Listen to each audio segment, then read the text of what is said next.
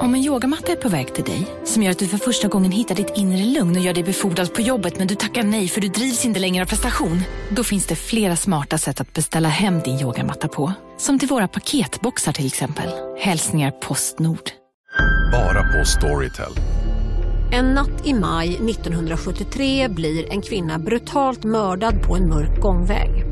Lyssna på första delen i min nya ljudserie. Hennes sista steg av mig, Denise Rubberg. Inspirerad av verkliga händelser. Bara på Storytel.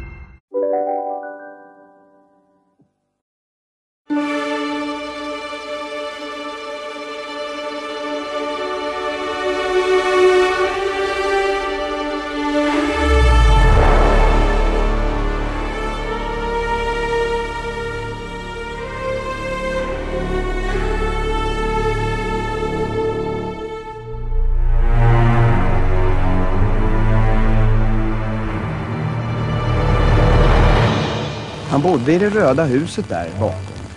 Och han började faktiskt spela fotboll på den här ängen hemma i Finflo. Sen har Thomas Brolins karriär varit rena rekordmagasinet. 1990 års fotbollsspelare nummer ett i Sverige. Landslagsdebut så sent som i april på Råsunda mot Wales. Och så var det naturligtvis det här med 4-4-2-systemet, det passiviserande, förstelnade som jag har varit på så många gånger genom åren som svensk fotboll fastnat för länge i. Det är ingen tillfällighet att de fyra lag som blev helt utan poäng i VM, av vilka Sverige var ett, i grunden spelade 4-4-2 medan nästan alla andra spelade mera modernt. Ändringen mitt under VM, den var ju totalt misslyckad. Eh, det går inte att ändra från något man kan till något som är bättre då, som man dock inte kan.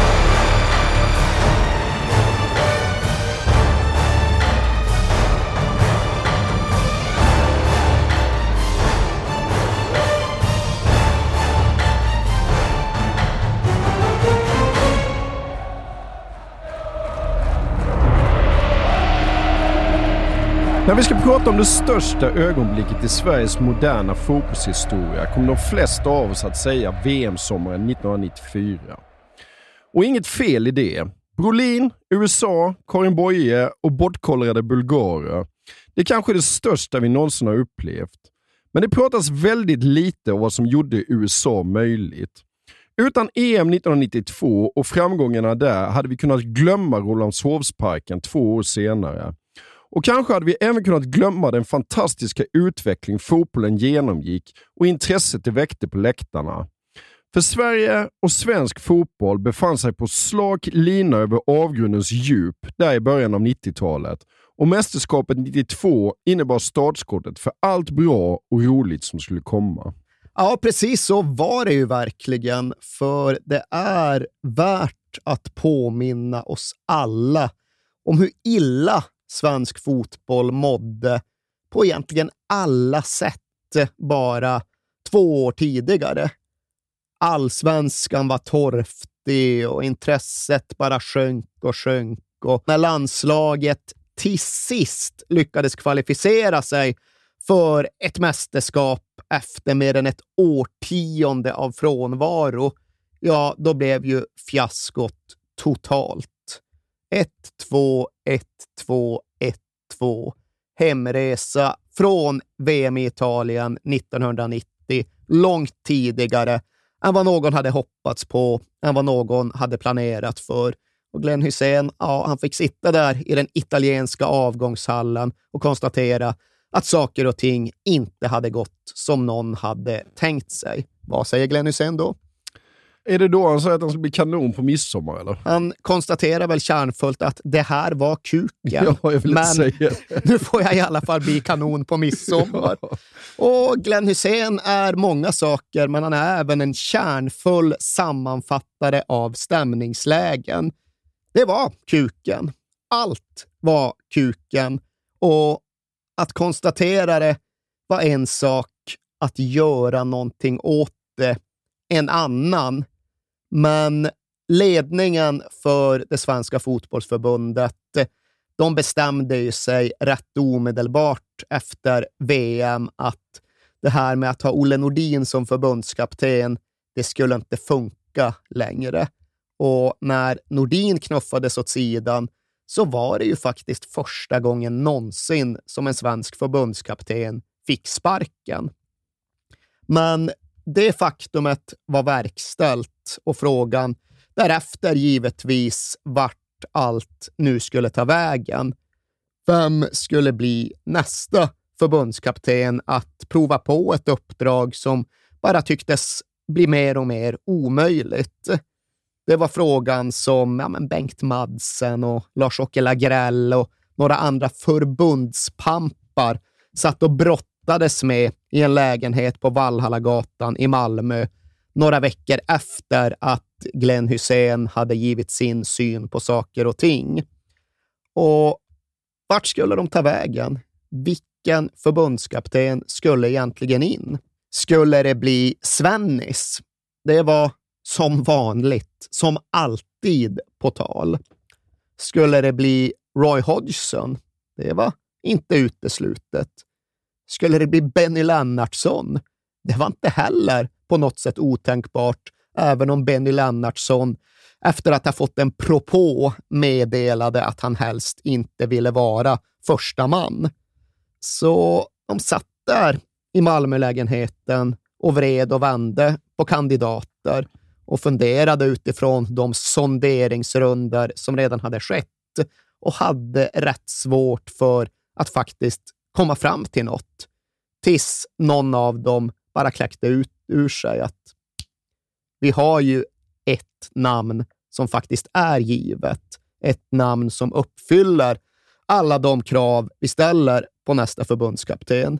Och det namnet kom ju lite från sidan för Tommy Svensson var inte en herre som nämndes så värst mycket i förhandsdiskussionerna. För som tränare hade ju faktiskt inte Tommy Svensson någon vidare meritlista, i alla fall inte i svenska fotbollsögon. För Tommy Svensson, han hade varit huvudtränare för Alvesta och sen hade han försvunnit iväg till Tromsö i norraste Norge och sen hade han väl egentligen inte gjort så värst mycket väsen av sig i någon form av svensk fotbollsdiskussion. Men det hade gått bra i Norge och därtill så hade ju Tommy Svensson en meritlista och en erfarenhetsbank som sträckte sig långt utanför gärningen som huvudtränare. Tommy Svensson gick i själva verket ja, men som någon sorts röd tråd genom hela efterkrigstidens svenska fotbollshistoria. Han hade stått på läktaren på Råsunda redan 1958 när Sverige spelade VM-final. Då var han bara 13, men sen gick han ju och blev storspelare av egen kraft. Vann SM-guld 68, vann Guldbollen 1969 och spelade sedan VM 1970. Därefter så flyttade han ut i proffslivet, drog ner till belgiska Standard Liège, men avbröt ju sin utlandskarriär utan att det verkade riktigt logiskt. Varför flyttade Tommy Svensson hem bara 28 år gammal? Jo, han gjorde ju det av en anledning.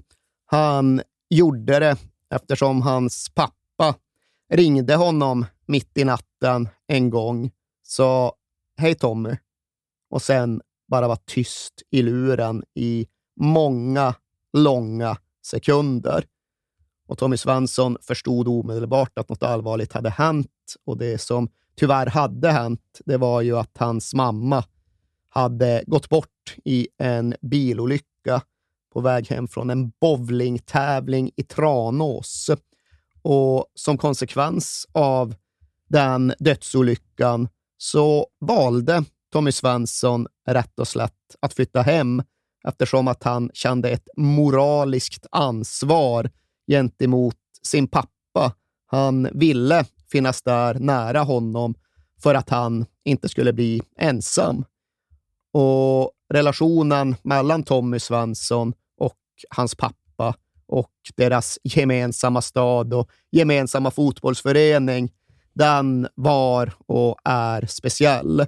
För de flesta vet ju då att Tommy Svenssons pappa hette Stig Svensson och Stig Svensson är ju en av de absolut största fotbollsledare vi överhuvudtaget haft.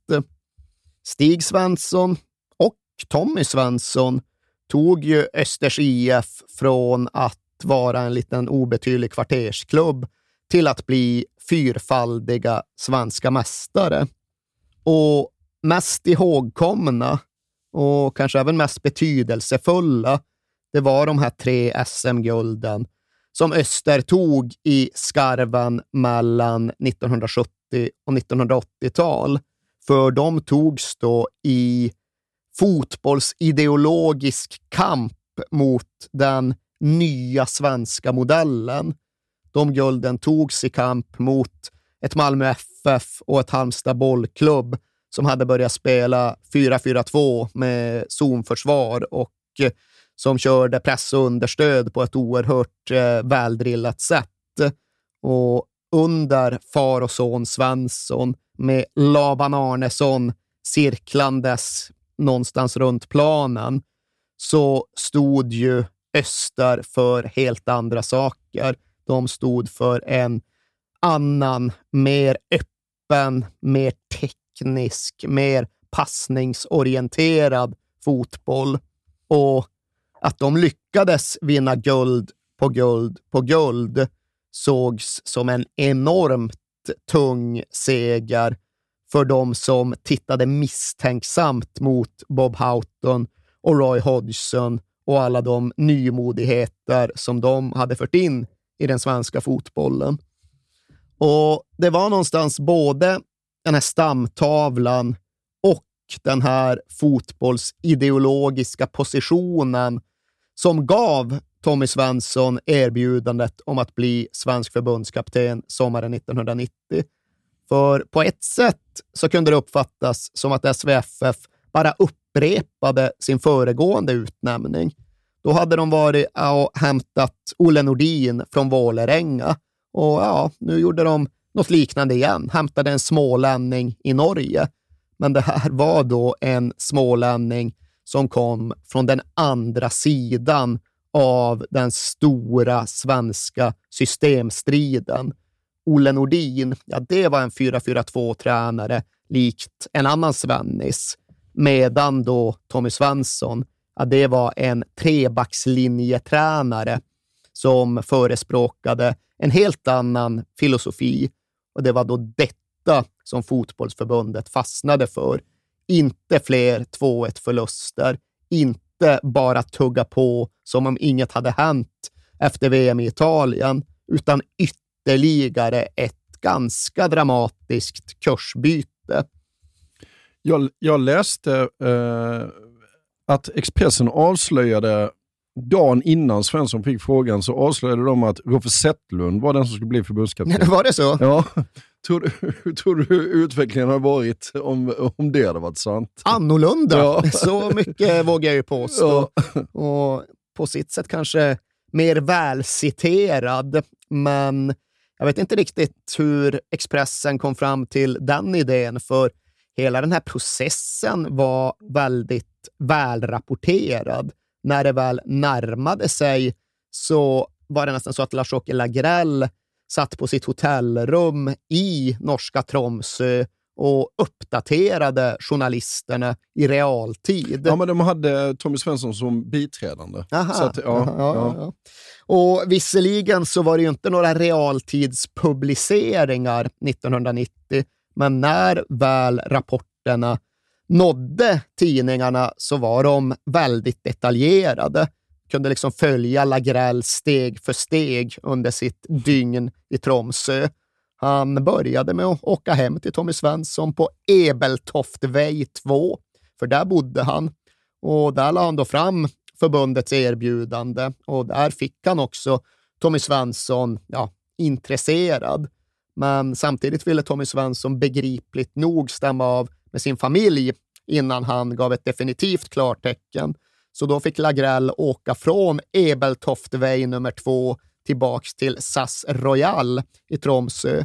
Och där satt han då och ja, men, pratade med journalister och berättade just detta, att ja, men nu har jag åkt hem och nu ska Tommy höra av sig och jag har ju sagt att han får ringa dygnet runt, men jag hoppas att det blir ikväll snarare än imorgon. Och ja, vi får vänta någon halvtimme till, men jag ser såklart till att hålla alla berörda uppdaterade och det ska nog inte vara några problem för ja, visst, Tommy ska stämma av med familjen och sen måste vi också lösa det faktum att han är ju tjänstledig från jobbet som mellanstadielärare på Pilbäcksskolan i Växjö, där han tidigare jobbat i 17 år. Men det ska nog inte vara något problem. Och han verkade nöjd med lönen som erbjöds, 40 000 kronor i månaden. Ja. Det tyckte vi alla var skäligt. Och dessutom har vi ju den här idén om att han ska få Malmö FFs kanslichef Tord Grip som assistent. Och vi hoppas nu bara på det definitiva Ja, Sen eh, så kör vi på detta. Och uppdateringarna fortsatte ju. Prick klockan 23.45, precis när juli skulle ta slut och augusti skulle börja.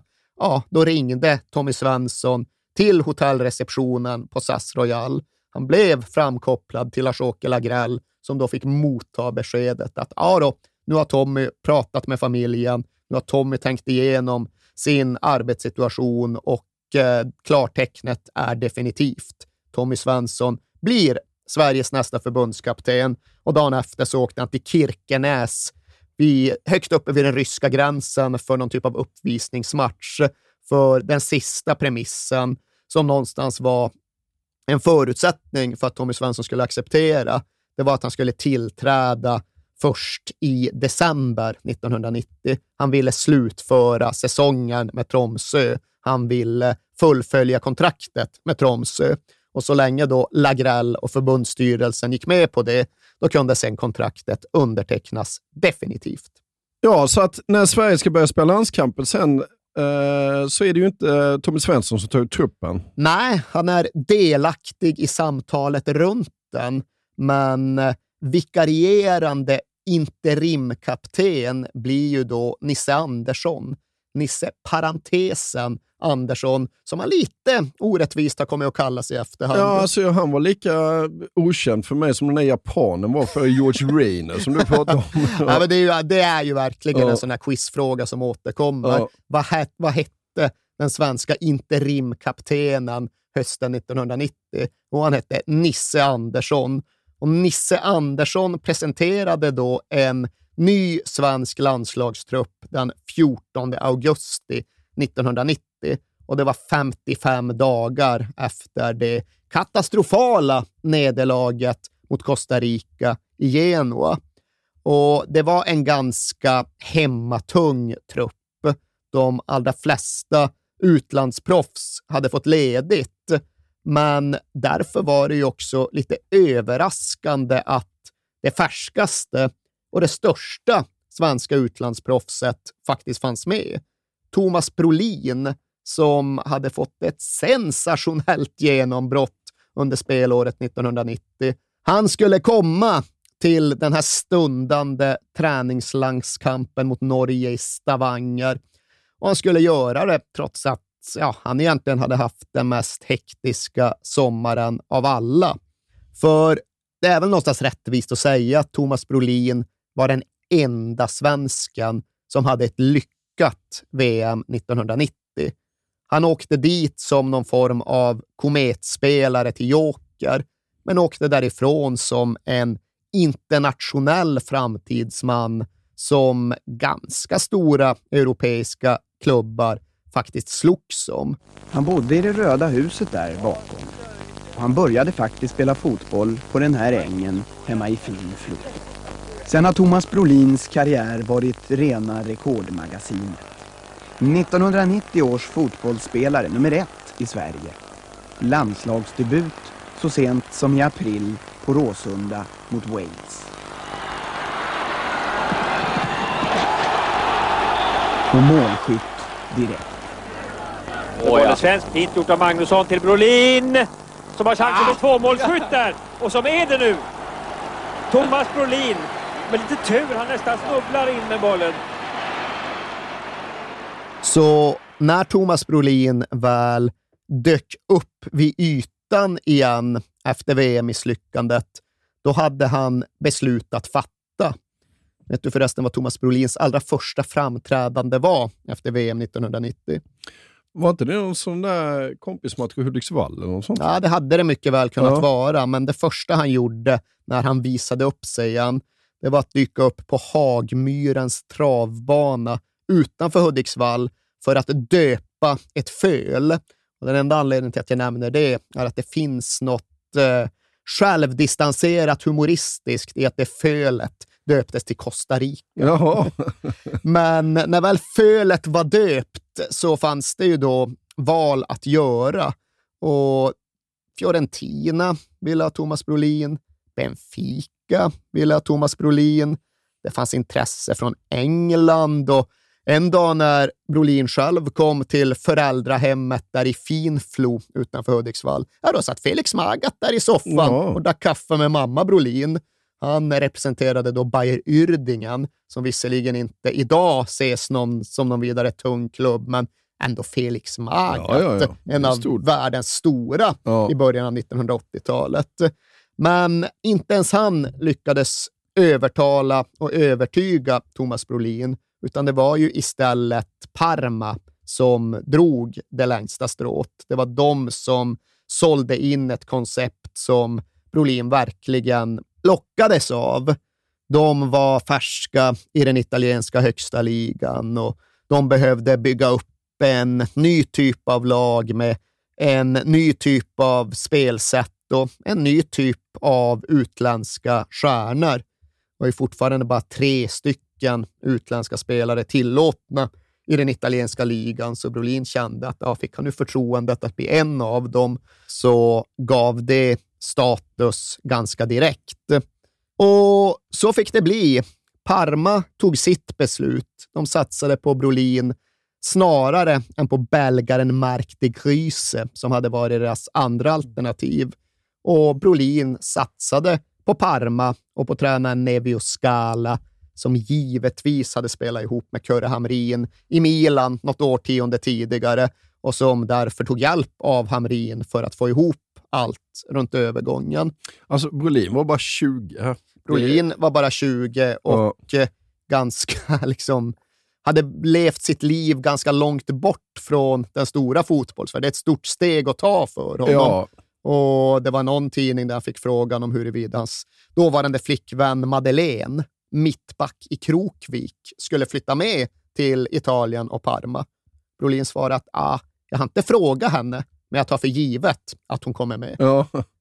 Men ja, med eller utan medflyttande flickvän så var det ändå en typ av investering som Brolin valde att göra mitt under den här mest hektiska flyttperioden, då han ändå gick med på att åka till Norge för att spela träningslandskamp under Nisse Andersson.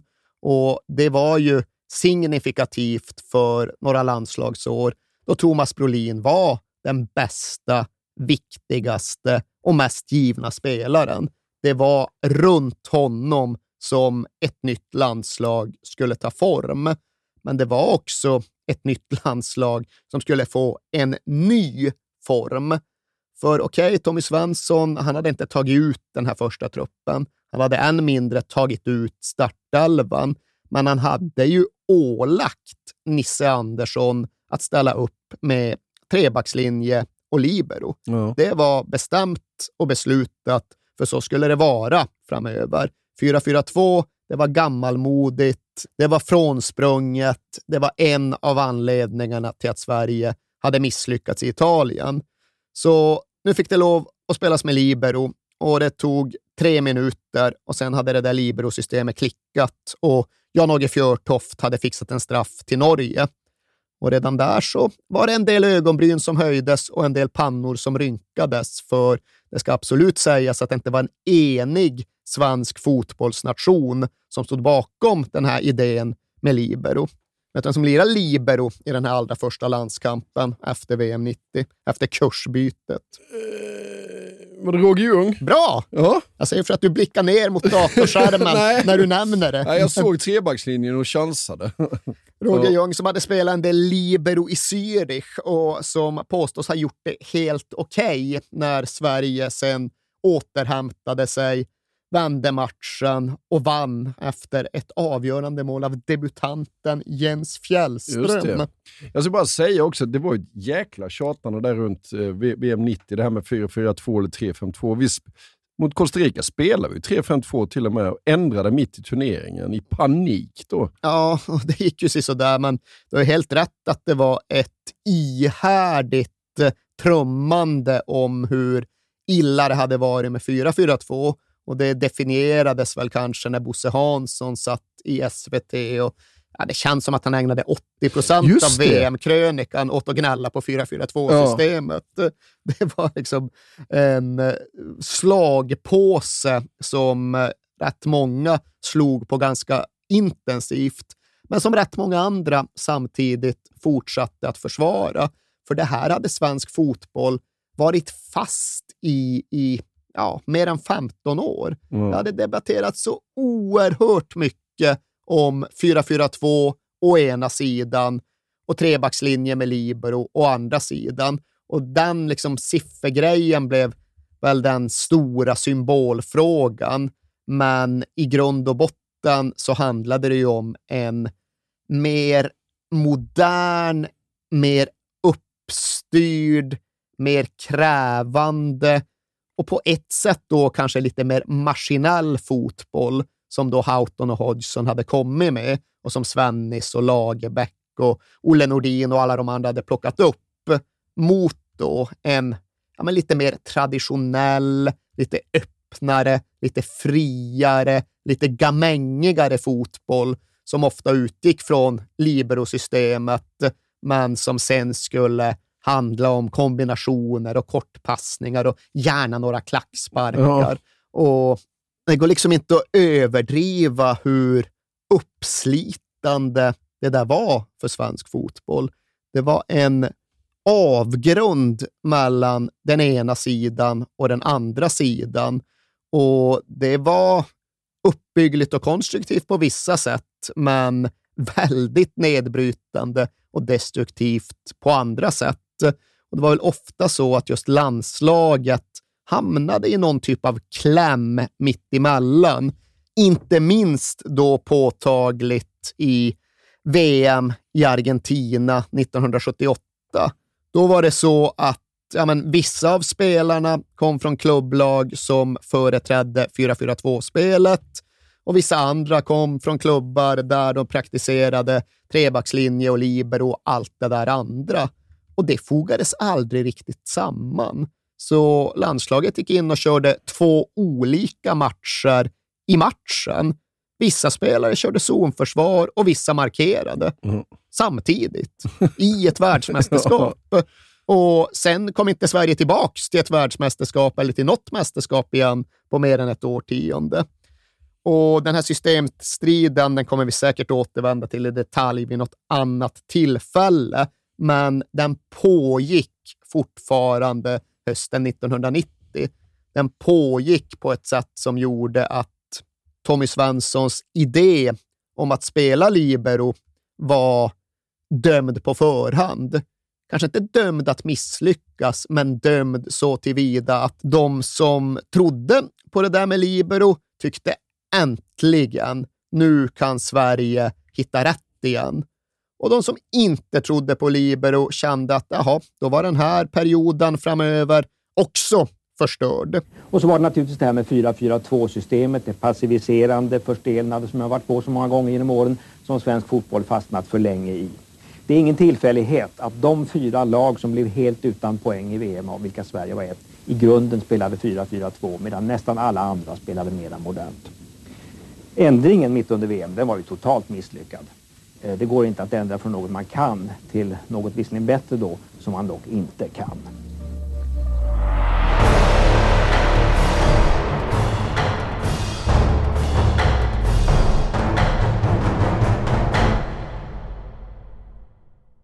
Vi fortsätter med vårt stora 90-årsfirande, Alex. Ja, precis. Själva födelsedagen för Stryktipset är ju i oktober, men det här är liksom det är förfesten. Ja, för vi är ju sponsrade av Stryktipset. Ett spel från Svenska Spel, Sport och Casino för dig över 18 år. Vi är ju det och eh, har du problem med ditt spelande så finns stödlinjen.se där för dig.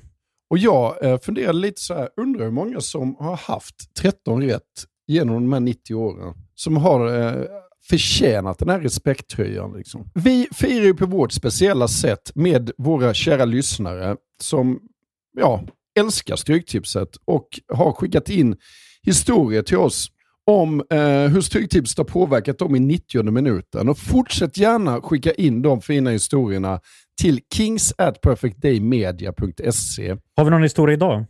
Ja, det har vi. Och den kommer från Thomas. Den är kort Mm. koncis. Mm.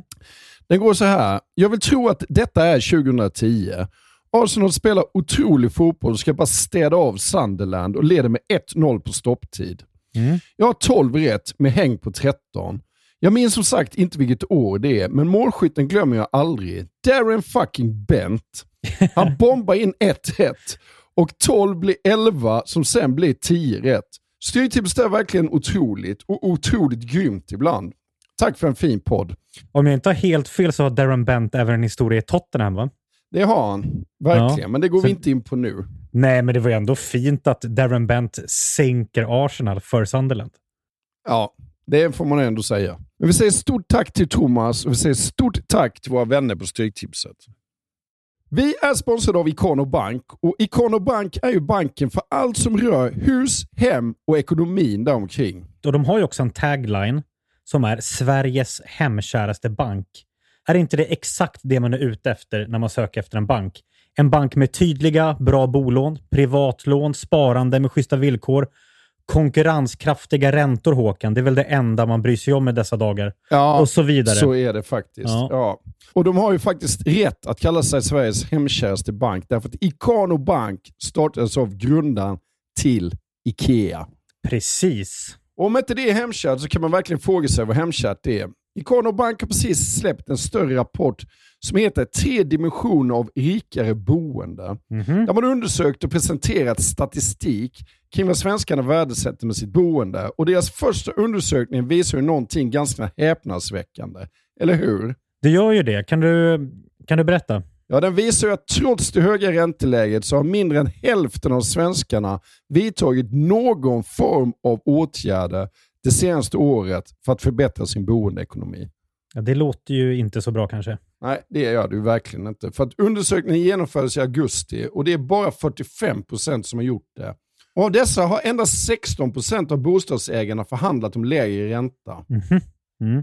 Många verkar ju ha en uppfattning om att det är jobbigt och krångligt att byta bank, vilket det inte är. Fler borde kolla upp om du kan spara pengar genom att byta bank. Därför uppmanar vi er att ta kontakt med Ikano Bank eller gå in på ikanobank.se för att se om du faktiskt kan få en bättre ränta. Vilket är en no-brainer med tanke på hur ränteläget ser ut, eller hur? Verkligen, så är det ju. Vi säger stort tack till Ikano Bank.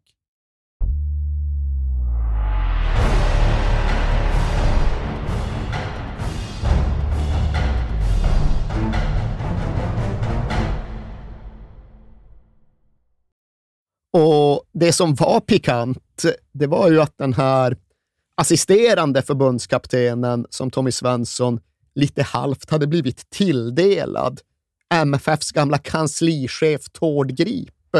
Han var ju en uttalad förespråkare av rak fyrbackslinje och zonförsvar. Och det pratade han om samtidigt som landslaget började försöka vänja sig vid liberospel.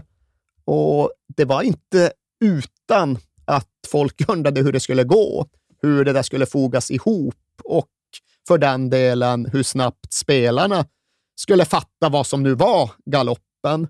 Och de här första matcherna, det som, det som vi kände som Nisse Andersson-hösten, Ja. ja, det var ju ömsom vin, ömsom vatten, ett steg fram, två steg tillbaks, lite blandat, lite givet och en seger mot Norge i Stavanger, en förlust mot Danmark i Västerås, en seger mot Bulgarien efter de lite omaka målskyttarna Kenneth Andersson och Dan Corneliusson. Ja. Det var ett av Kenneth Anderssons första landslagsmål och ett av Dan Corneliussons absolut sista. Det kanske var hans allra sista för den delen. Men ja, oavsett vilket, matcher som var rätt svåra att utvärdera. Matcher som inte gav några tydliga besked, matcher som kanske inte riktigt innebar några tuffa test heller. Men ett tufft test skulle ju komma i det som skulle vara Nisse Anderssons allra sista match som vikarierande förbundskapten.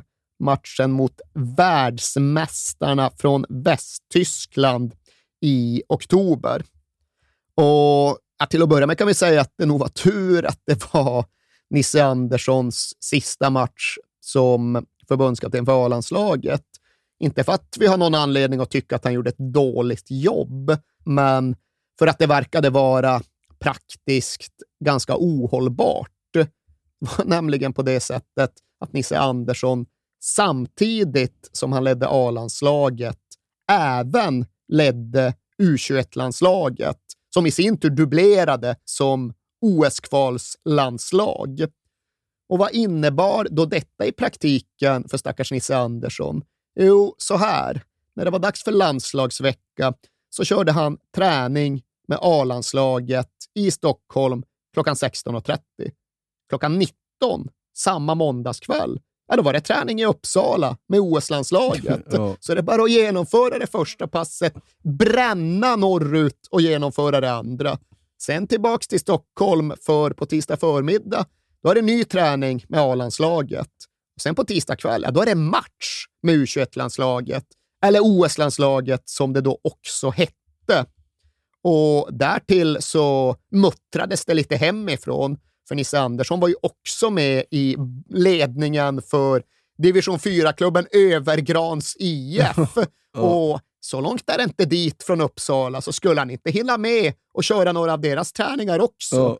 Nej, det skulle nog inte Nisse Andersson, för snart är det match mot världsmästarna Västtyskland på Råsunda.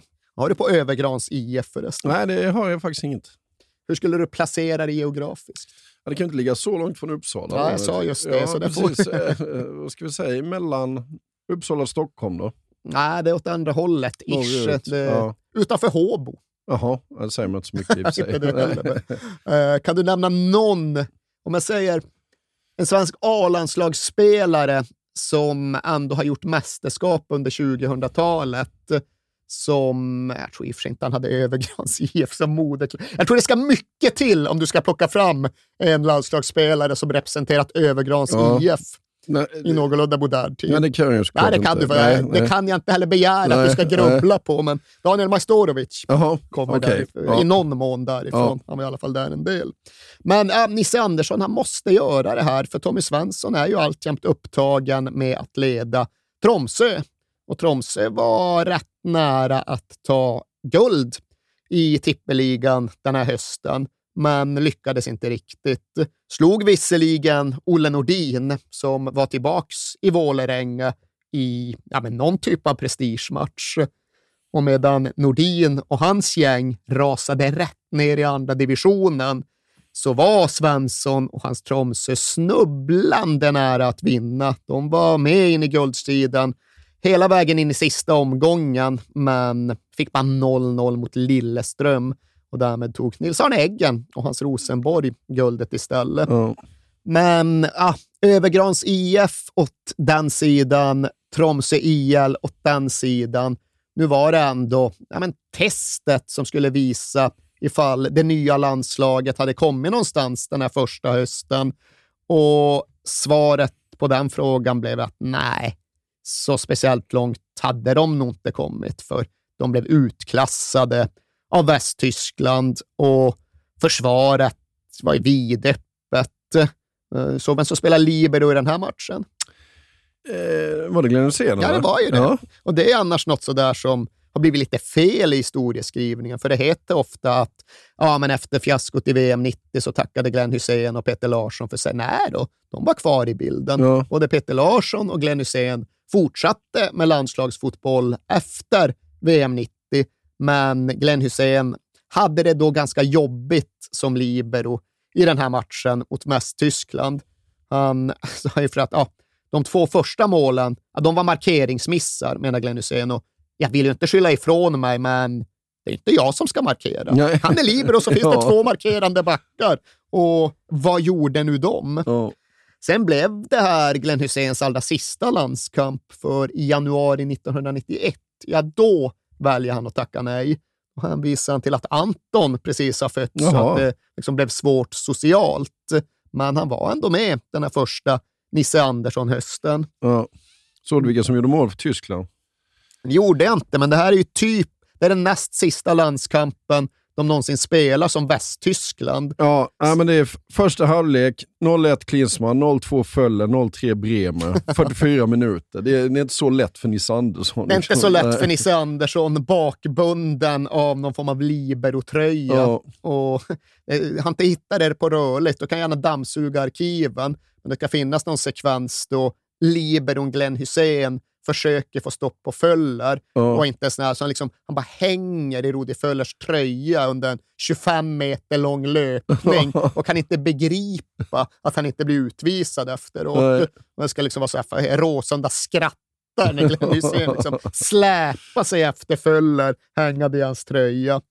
Men eh, ja, det är svårt att se den här matchen och tycka att ja, men det här verkar ju vara på väg i rätt riktning. Här har han verkligen fått till försvaret. Här sitter bitarna på plats. Men Tommy Svensson, när han ändå ska kommentera insatsen, han säger nej, det känns stimulerande med de här försvarsproblemen som vi fortfarande har.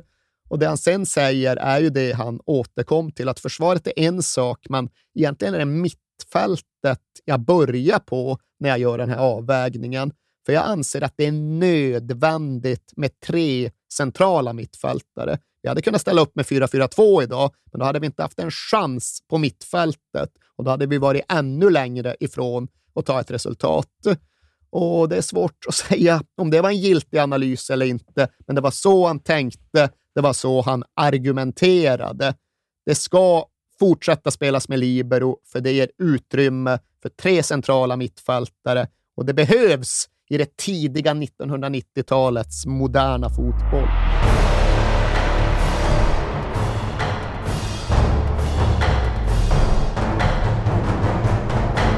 Men tillbaka till fotbollsplanen så spelar Och välkomna tillbaka till Sibylla där sportbörjaren nu laddar för mål. Otroligt taggad och toppat formen med stekt lök och dubbel cheddarost. Det här blir en riktigt god match! Sportbörjare, ett original i godaste laget. Från Sibylla. Här sitter jag i en ljudstudio tillsammans med ett sjölejon för att berätta att McDonalds nu ger fina deals i sin app till alla som slänger sin takeaway förpackning på rätt ställe. Även om skräpet kommer från andra snabbmatsrestauranger, exempelvis Eller till exempel Ja, precis. Nej. Dåliga vibrationer är att gå utan byxor till jobbet. Bra vibrationer är när du inser att mobilen är i bröstfickan. Alla abonnemang för 20 kronor i månaden i fyra månader. Vimla! Mobiloperatören med bra vibrationer. de en match till 1991 va? Ja, det går ju åt helvete, jag på att säga.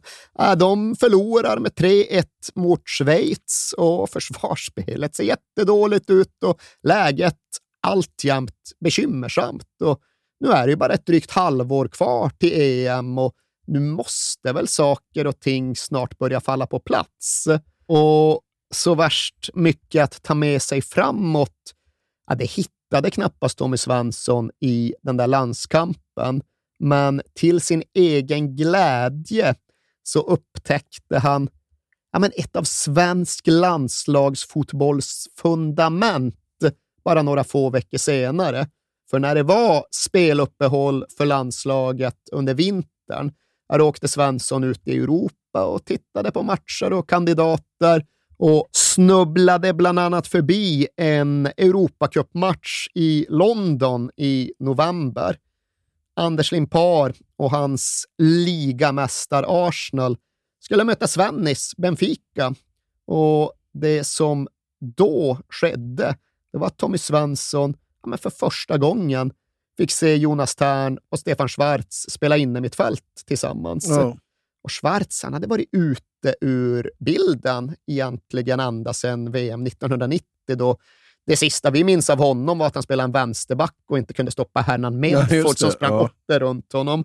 Och Svensson hade varit misstänksam mot honom ända sedan dess. Han tänkte att han är alldeles för långsam för att kunna spela back. Och sen så trasade Schwarz sönder knät i någon ligamatch mot Vitoria Setúbal och sen var han liksom bara borta ur bilden egentligen i ett helt års tid, ända fram till den här matchen. Ja. Då liksom, Jaha, just det, Stefan. Aha, han spelar inte back. Aha, han är inne mittfältare för att då kompensera för bristande snabbhet. Han spelar mitt här. Och det funkar ju faktiskt hur bra som helst. Ja. De tuggar ju upp det där Arsenal-mittfältet med Rocastle och Paul Davis och Merson och de andra. Och Benfica gör tre mål och vinner i London och går vidare. Och Tommy Svensson får en insikt. Tommy Men- men- Svensson får en fundering att grubbla på. Men tänk ändå, Erik, att det fanns en tid när Benficas centrala mittfält bestod av två svenskar som dominerade mot de engelska ligamästarna Ja, borta. då Benfica även var en klubb som kunde bli bäst i Europa, Ja. kunde vinna Europacupen. Men också att det var en tid då liksom uppdateringarna och kartläggningarna av svenskproffsen var så pass undermålig att Tommy Svensson mer eller mindre kunde komma till en Europacupmatch på Highbury och liksom höja på ögonbrynen. Eller, ja, men titta Stefan Schwarz, ja, just det. Han är, jaha, han spelar Ja. mittfältare nu för tiden. Han är bland bästa Jaha, på plan. Han är riktigt bra. Och det Svennis hade insett och det Jonas Tern gick ut och bedyrade, det var det här med att ah, visst, vi har också hört snacket om att vi skulle vara för lika som spelare för att det ska funka. Att vi båda är två bollvinnare i första hand. Men ja, tyck vad ni vill om det. Det får i alla fall konsekvensen att vi två kan möta tre motståndare på innermittfältet och ändå spela minst oavgjort Ja. i vår match i matchen. Och det där var ju en polett som långsamt började röra sig ner genom Tommy Svenssons järngångar. För hela hans grundpremiss för att kräva libero trebackslinje, det var ju att det skulle medföra tre innermittfältare. Tommy Svensson tyckte sig behöva tre innermittfältare. Men om nu Schwarz och Tern kunde göra jobbet på två, ja, då skulle ju det faktiskt i förlängningen kunna leda till även en annan numerär och en annan formation i backlinjen. Ja. Och med den vetskapen så åker han på, vad ska jag säga när jag kollar på det, det mest aparta lägret i svensk landslagshistoria, eller? Vi har haft en del märkligheter. Åkte ner till Syrien precis Ja. innan, innan det var dags att dra igång det kriget. Och den känns väl lite märklig så här i efterhand. Men visst, det var väl inte så att man riktigt begrep sig på varför landslaget skulle korsa jordklotet i början av 92 och sen möta Australien, Australien och Australien i tre snabbt på varandra följande träningslandskamper. Men Mats Olsson, som vi ofta återkommer till när Ja. vi pratar om skeenden i början av 1990-talet, för under den tiden var Mats Olsson både störst och bäst i Sverige. Absolut. Han hade i alla fall klart för sig vad den här resan handlade om. Han skriver att ja, nu åkte svenska landslaget till Australien. En resa som borde gå under titeln Tommy Svensson och jakten på det försvunna försvaret. Och sen utvecklar han lite längre ner och liksom dunkar fast att idag är man livrädd varje gång motståndarna kommer över på svensk planhalva. Mats Olsson var inte övertygad eh, av liberosystemets funktion och effektivitet. Och det kunde egentligen inte någon annan heller vara. Och på ytan kan det väl sen se ut som att det inte var försvaret som var problemet på den här Australien-turnén, för ja, Sverige förlorar två matcher och spelar ett kryss. De gör noll mål på tre matcher ja. mot Australien och det går såklart att ställa en del frågor kring offensiven, men det var försvaret som allt kretsade kring och Tommy Svensson han försökte ju fortfarande. Han kastade in det ena och han kastade in det andra och den här gången var det egentligen Mats Gren som skulle in och styra och ställa som libero, men ja, det gick ju åt helvete. Ja. Han gjorde något grovt misstag och ja, avpoliterades därefter. Han startade aldrig en A-landskamp igen. Nej. Men trots detta så grävdes det ju försvarsskuld nere i Australien. det gjordes upptäckter nere i Australien. Och även om det inte blev lika tydligt, lika omedelbart som det hade varit med Schwarz och Tern, så var ju den här turnén första gången som ja, både Bjärred Andersson Jocke Björklund spelade för det svenska A-landslaget. Ja. Inte tillsammans som mittbackar, men ändå som försvarsspelare på planen. Och de två de hade ju börjat hitta varandra där i Nisse Anderssons OS-landslag ja. som tuggade på. Men det fanns ju en lite känslig situation i det där faktumet att ja, Jocke Björklund var Tommy Svenssons systerson. Och Jocke Björklund hade aldrig spelat allsvensk fotboll, utan han hade ju också verkat under radarn i Norge. Så kunde det verkligen vara något? Ja, historien skulle komma att visa att det kunde det. Och vi ska inte säga att Tommy Svensson hade tur som fick färdiga lösningar nerramlade i knät den här vintern. Han var skicklig och prestigelös nog för att identifiera sina lösningar. Men det är ändå oerhört betydelsefull, den här skillnaden. Att, ja, när Sverige stänger landslagsåret 91, då har de krasst uttryckt varken inne mitt fält eller försvarslinje. Nej. En Europacupmatch och en Australien-turné senare, ja, då ser vi konturerna av det som ska bli landslagets ryggrad under de fantastiska framgångsår som sedan följer. Ja.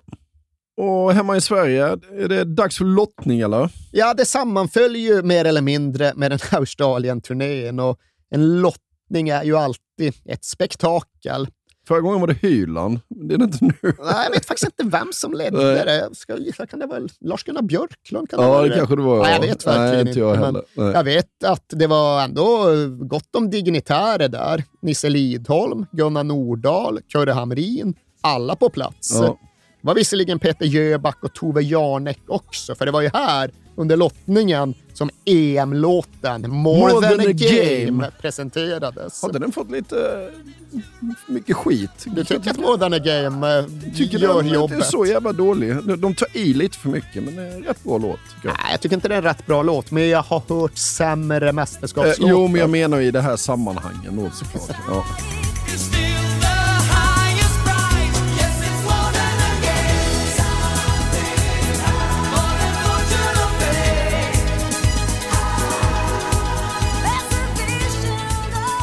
Men ja, trots detta framträdande så var det ju någonstans själva lottningen som var huvudsaken. Och jag vet inte riktigt vad TT baserar sitt omdöme på. Men de påstår i alla fall i sin rapport att Tommy Svensson var märkbart tagen efter lottningsceremonin. Och sen ja, får Svensson några frågor och han är ändå ganska nöjd med lottningen och det här ska bli kul. Det här ska bli spännande och det här ska bli en festival, summerar Tommy Svensson. Ja. Ska vi kanske säga vad lottningen blir också? Eller? Ja, jag vill bara utgå från att alla vet det. Ja, men såklart. Sverige lottas att inleda turneringen mot ett Frankrike på uppgång. Frankrike hade ju gått och missat VM 90 och de hade missat EM 88. Men nu hade Platini tagit landslaget och sen dess hade de bara vunnit och vunnit och vunnit. Och det var Cantona och det var Papin och det var ett lag som såg ut som en av mästerskapsfavoriterna. Därtill var det ju England som hade haft en framgång i VM 90, men som sen hade ersatt Bobby Robson med Graham Taylor och den torftigast tänkbara jävla brittiska fotbollen. Det är otroligt hur lite lag Graham Taylor lyckades bygga mm. av det som ändå fanns till förfogande vid den här tiden. Det är ett så barkbrödsbistert gäng han sätter samman att det har gått till historien. Men det var ändå en respektingivande motståndare. England, färsk från en VM-semi. Ah, det ser tufft ut. Och tips till extra-nationen Sverige ringade ju absolut in gruppens slutmatch mot England som kanske den största höjdpunkten. Ja. Och däremellan, ja, då skulle då Sverige möta Jugoslavien, var det tänkt. Ja, det. det. är Jugoslavien som hade besegrats med 4-3 på Råsunda några månader tidigare. Ja. Det blev till en nästan filosofisk utläggning om motsättningarna i invandrarlandet Sverige. En så att motsatsernas dynamik i detta tidigare så enhetliga svenska samhälle. En friktionsyta uppstår förvisso. Men det är denna motsatsernas fredliga dynamik som i mitt sätt att se betyder oerhört mycket för att vitalisera det svenska samhället. Men Rinkebyborna vill ha konkreta svar. Varför förbjuds inte rasistiska organisationer? Vad ska ni göra konkret? Det var frågorna. Men det kan jag tala om att det finns fullt tillräckliga lagar i Sverige för att stoppa det. Och nu var det färdigt. Invandrarministern. Hon försökte också att vända på steken. Nu tycker jag att vi gemensamt i denna sal sjunger We shall overcome. Men det blev ingen allsång den här gången. Man kommer aldrig några framgångar genom att skrika. Tommy Svensson såg fram emot en eh, festival men det var faktiskt ingen festivalstämning i Sverige på den här tiden. Nådens år 1992 hade inletts på mörkast tänkbara sätt. Vi nämnde ju att Lasermannen hade börjat härja och börjat skjuta för att döda redan under hösten 1991. Men hans aktivitet gick ju på något sätt i skov och han hade ett stort skov i oktober-november 91 och i januari 92 så går han in i nästa. Han skjuter fem mörkhåriga bara på en dryg vecka i slutet av januari. Det sista av dessa offer, mannen som skjuts den 30 januari, han hette Hassan Zatara och blev skjuten i sin lilla butik vid Hägerstensåsens T-bana.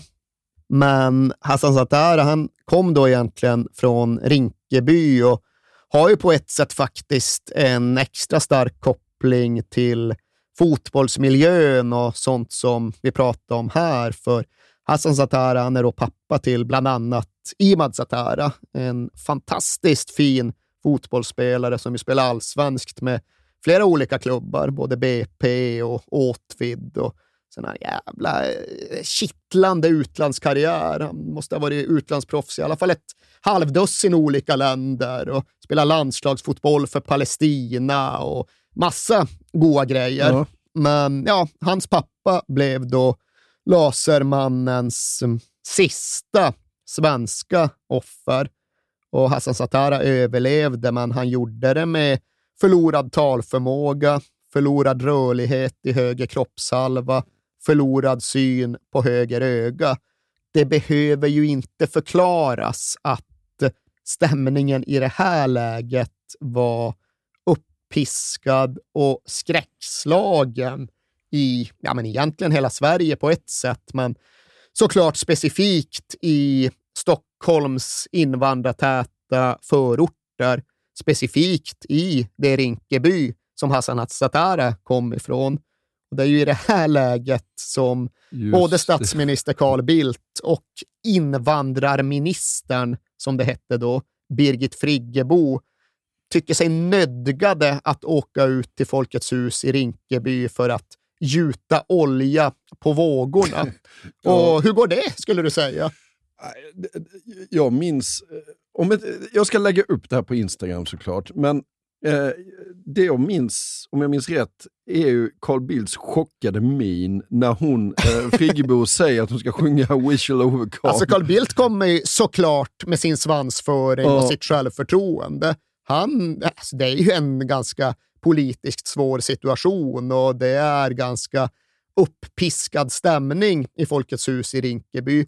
Men Carl Bildt är ju som Carl Bildt är och han manövrerar ju. Han står där och pratar om ja om friktionsytor och vitalisering och lyckas väl kollra bort en del av de upprörda och oroliga Rinkebyborna.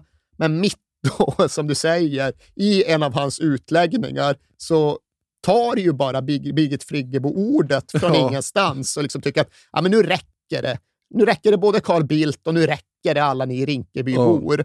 Nu så ska vi liksom sätta punkt för det här och nu ska vi komma till en bättre plats tillsammans genom att sjunga We shall overcome. Men det, det här måste ju visa eh, vad det bästa beviset på när man har 0% street smartness Ja. och, eh, och ändå har stor makt. Vad händer då? Jo, detta händer. Det går liksom inte att läsa en situation på ett sämre Nej. sätt. Och nu, Sjunger de den? det är klart de inte Nej, men jag, jag kommer inte ihåg. Folk börjar ju bua. ja, ja, ja, ja, men, nej, men jag bara tänkte, slutade med att de sjunger den? Nej. Helvete.